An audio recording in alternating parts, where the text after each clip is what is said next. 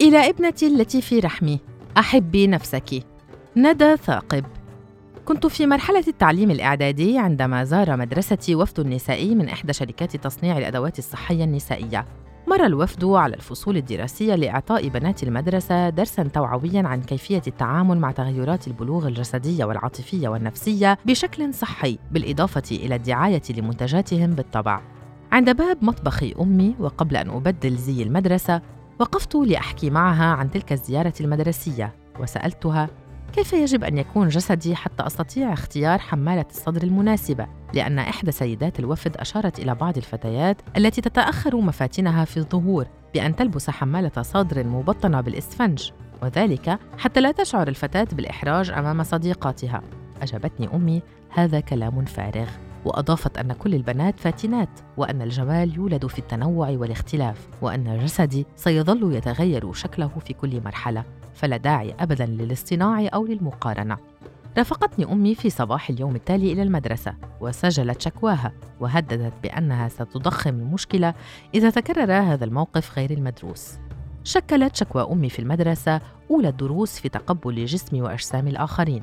ظلت تعاليمها عالقة في ذهني بينما كنت أختار رسم الموديلات غير التقليدية في مشاريعي بعد أن تخصصت في دراسة الرسم والتصوير مذكرة نفسي بأن كل البنات فاتنات.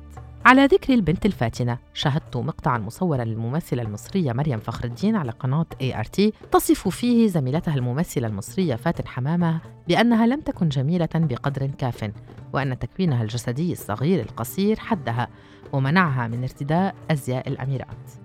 ربما كانت فخر الدين محقة في جزء من حكمها ذلك لكن هذا الحكم لم يشر إلى الذكاء الفني أو المشروع الواعي أو ما غيرته فاتن في قوانين الأحوال الشخصية المصرية وفي إنصاف حقوق السيدات عن طريق أحد أفلامها أريد حلاً ولم يشر إلى أناقتها التي تناسبت تماماً مع شكل جسمها أو رقتها وعذوبتها أو حتى جمال روحها أليست هذه أسباباً مقنعة جداً للقبول والمحبة والنجومية؟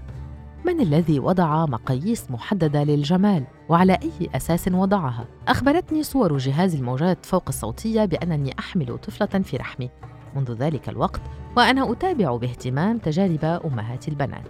وفي واحدة من مجموعات الاعترافات النسائية السرية على موقع فيسبوك صدمت من شكوى لأم تقول إن ابنتها ورثت بشرتها السمراء وشعرها المجعد. بعد أن قضت كل أشهر حملها تحلم وتصلي بأن ترث جينات عائلة زوجها البيض. كانت تسأل بإلحاح عن طريقة لتمليس شعر الطفلة أو منتجات لتفتيح البشرة قوية الفعالية حتى لا تعيش ابنتها حياة تعيسة تكره فيها شكلها مثل ما حدث معها.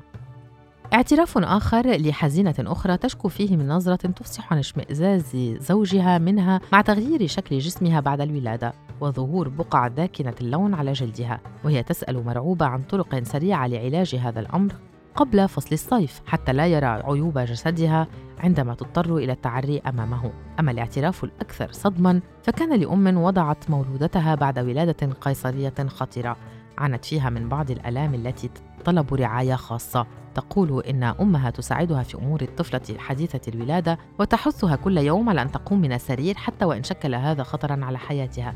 لأن زوجها بالتأكيد لن يحتمل فترة مرضها التي طالت وحيبص برا أي سوف يخونها وتضيف شاكية أن هذا الشبح دائما ما طاردها حتى قبل الولادة لأنها لا ترى نفسها جميلة ولا تفهم لماذا اختارها زوجها أصلا وهي شخص عادي لا يحمل شيئا مميزا أو جميلا حسب ما تقول.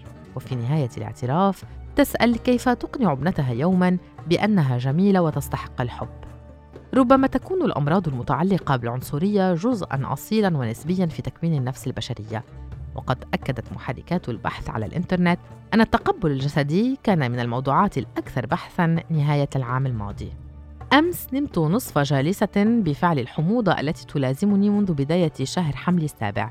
يكبر وزن الجنين داخل الرحم فينتفخ ويضغط على الأعضاء المحيطة به خاصة المعدة فيصعب مهمتها في الهضم. وتعاني المرأة الحامل من ارتجاع المريء والحموضة. هذا هو الرأي الطبي. وأما بالنسبة إلى جداتنا المدهشات فكانت لهن أساطيرهن الخاصة التي تقول إن الحموضة دليل على نمو شعر الجنين. فإذا شعرت بالحموضة فأنت تحملين بنتا ذات شعر كثيف وطويل. أميل إلى تصديق الأساطير من باب الخيال الجميل. لقد سمعت قصة من إحدى قرى الريف المصرية عن امرأة ظلت تردد والدتها لها تأويل الشعر الطويل حتى وضعت طفل سلعاء أضفت على تلك الأسطورة أغنية المطرب المصري محمد فوزي استعراض الزهور. الورد له في روايح لغات تجمع بين النار والجنة. حاكم الزهور زي الستات لكل لون معنى ومغنى. أتخيل رحم المنتفخ يشهد ميلاد زهرة ينمو ساقها أولاً ويمتلئ بالأشواك التي تلهب صدري. فتشعرني بالحموضة حتى يكتمل نمو الوردة وتتفتح حين تخرج إلى النور. ليس لدي تصور عن شكل وردتي المستقبلية وأي جينات سترث من عائلتي أو من عائلة أبيها ولكنها على أي حال زهرة وبالتأكيد جميلة. فلكل لون معنى ومغنى كما غنى فوزي. سأخبر ابنتي بأنها وردة جميلة تستحق الحب والتقدير وبأن كل الوردات جميلات وكل البنات فاتنات.